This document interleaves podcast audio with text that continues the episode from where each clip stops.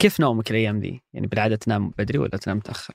والله ذي الفترة ما تجي الساعة واحدة إلا أنا نايم تقريبا. يعني يعتبر بدري متأخر؟ يعتبر بدري شوي. آه ليه؟ بالعادة تنام متى؟ لا يعني العادة انام الساعة 3 4 وتصحى؟ يعني أصحى على الساعة 9 10 الحين لا صرت أنام واحدة تقريبا أصحى على الساعة 9 10 يعني يمكن أنام تسع ساعات قبل يمكن كنت أنام ست ساعات أو خمس ساعات. أوه.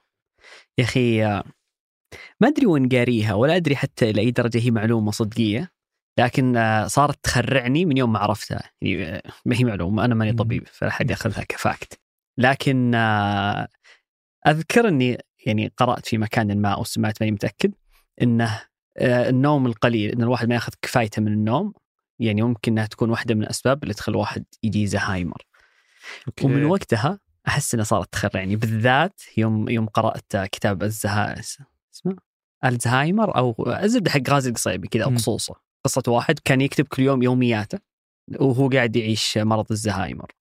فحسيتها فحسيتها يخرع. يعني بدأ كذا يفقد ذاكرته يوم عن يوم عن يوم فجأة بدا ينسى زوجته. لا لا طبعا مو بسبب إنه آه. مو بسبب إنه نام. بس الربط هذا صار يخرعني هي الم- يعني المعلومتين جت بنفس الوقت. الرواية هذه والسالفة صار مرة يخرع. هذا بودكاست الفجر من ثمانية بودكاست فجر كل يوم. نسرد لكم فيه سياق الأخبار اللي تهمكم. معاكم أنا ياسر بن غانم. وأنا ايمن الحمادي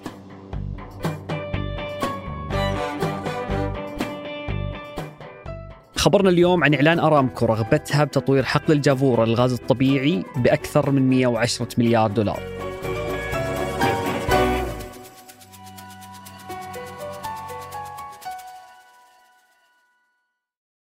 قهوة الصباح وأجود محاصيل البن المختص تلاقيها في خطوة جمل.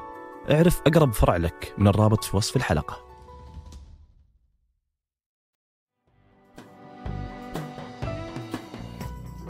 في 19 سبتمبر 1932 وفي مرسوم للملك عبد العزيز تحدد يوم 23 سبتمبر كيوم وطني سنوي للسعودية. ومن وقتها تحتفل السعودية فيه بيومها الوطني كل سنة. وبالمصادفة في نفس التاريخ لكن بعد سنة من المرسوم في 1933 حصل في ميناء الجبيل أحد أهم أحداث تاريخ السعودية In September 1933, two American geologists waded ashore on the nearby coast to begin a search in this strange, barren land. في هاليوم وصلت أول دفعة من الجيولوجيين الأمريكيين للسعودية عشان يبحثون عن النفط فيها بعد ما لقت أكثر من شركة النفط في البحرين. شركة سوكال اللي كانوا الجيولوجيين هذول موظفين فيها غيرت اقتصاد السعودية تماما. بعد ما قدرت تلاقي في الدمام ولأول مرة بعد خمس سنين من بداية بحثها أول بير نفط.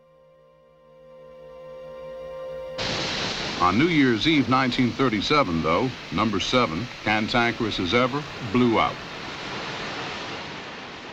بالسنين اللي بعدها زادت اكتشافات آبار النفط في السعودية وفي بعضها كانوا يلاقون غاز في نفس البير مع النفط. هالنوع من الغاز اللي يتسمى الغاز المصاحب لأنه يكون مصاحب للنفط كانت أغلب الشركات ومنها أرامكو تطلعه وتحرقه بدون ما تستغله وبالمقابل تركز اهتمامها أكثر عن النفط. وهالشيء في البداية كان لأن ما في طريقة سهلة لتصديره أو حتى استخدامه محليا. لكن بعد ما اكتشفوا حقل الغوار أكبر حقل نفطي في العالم اليوم وصارت فيه كميات كبيرة من الغاز المصاحب منعت الحكومة أرامكو أنها تحرقه بدون فائدة وبالبداية كانت طريقة استغلاله هي أنهم يستخدمون هالغاز كمصدر للضغط اللي يحتاجونه في أبار النفط الثانية. وبعدها بعشرين سنة تقريبا وفي السبعينات بدأت أرامكو تصدر جزء من هالغاز لبرا والجزء الثاني صار للاستخدام المحلي في السعودية. لكن خلال كل هالفترة ما اهتمت أرامكو كثير بأنها تبحث عن آبار غاز مستقلة اللي هي الآبار اللي يكون فيها الغاز الحالة وما هو مصاحب للنفط. وركزت اهتمامها على البحث والتنقيب عن النفط واللي خلى أرامكو ما تصدر ولا تستورد الغاز هو إنها كانت تستخدم الغاز اللي تنتجه لموافاة الطلب المحلي. وهالشيء لأن الغاز مشكلته إنه يشغل حيز كبير فيصير صعب نقله وتصديره. بينما في المقابل النفط يطلع بشكل طبيعي سائل فيكون حجمه صغير والتعامل معه سهل. لكن بالنسبة لقطر ولأنها ما قدرت تلاقي آبار نفط بنفس مستوى الآبار في السعودية والكويت وباقي دول الخليج ركزت بحثها على الغاز Then in 1971, history is made. فاكتشفت في 1971 حقل الشمال We discover the treasure of all treasures, the North Field. وهالحقل اللي تزيد مساحته عن نصف مساحة قطر واللي لمدة 14 سنة ما كانت تعرف عن أهميته وقيمته لها هو أكبر حقل غاز بالعالم وفيه الحالة أكثر من 10% من احتياطات الغاز العالمية وهو اليوم مصدر الدخل الرئيسي لقطر ومع الوقت وبالذات في التسعينات تطورت تقنية جديدة تحول الغاز لسائل. فيصير غاز مسال سهل نقله وتصديره. وهالتطور بالذات هو اللي معه بدأت إيرادات قطر ترتفع بشكل سريع. وخلى وزارة البترول في السعودية تبدأ تفكر تبحث أكثر عن آبار الغاز المستقل زيادة على الغاز المصاحب اللي يجي مع النفط.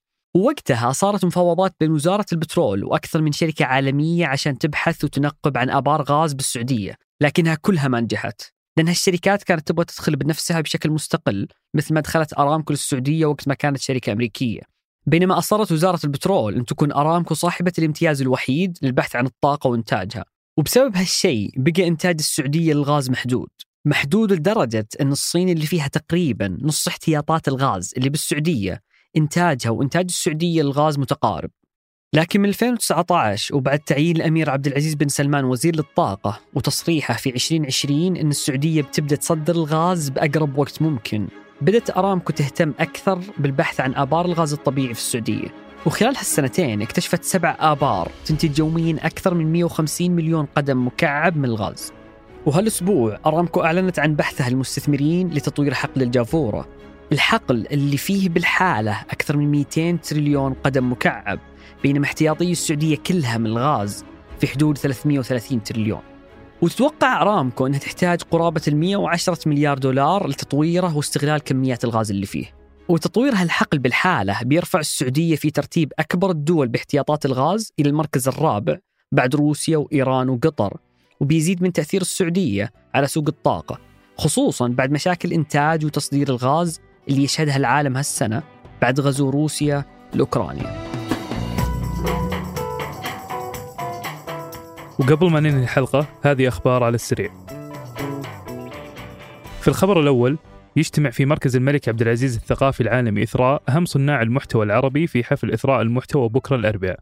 الحفل بيكون فيه إطلاق النسخة الثانية من مبادرة المحتوى العربي وهالمبادرة تشمل المنافسة في الأفلام الوثائقية والأدب والترجمة والمنصات الإلكترونية والموسيقى والبودكاست وألعاب الفيديو عبر الجوال. وكانت المبادرة الأولى قدمت 15 مليون ريال لدعم 13 مشروع وفر 430 فرصة وظيفية.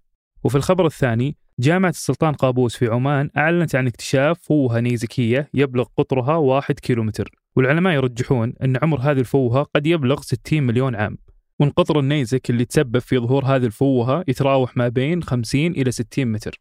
وفي الخبر الثالث بعد خسارة منتخب فرنسا بنهائي كأس العالم أعلن نجم ريال مدريد ومنتخب فرنسا كريم بنزيما اعتزاله اللعب دوليا مع منتخب بلاده. وواجهت مسيرة بنزيما مع فرنسا الكثير من التحديات والمصاعب وما قدر يشارك في مونديال قطر الأخير بسبب اختيارات المدرب. واختار بنزيما عيد ميلاده ال 35 اللي وافق يوم أمس الاثنين ليعلن هالخبر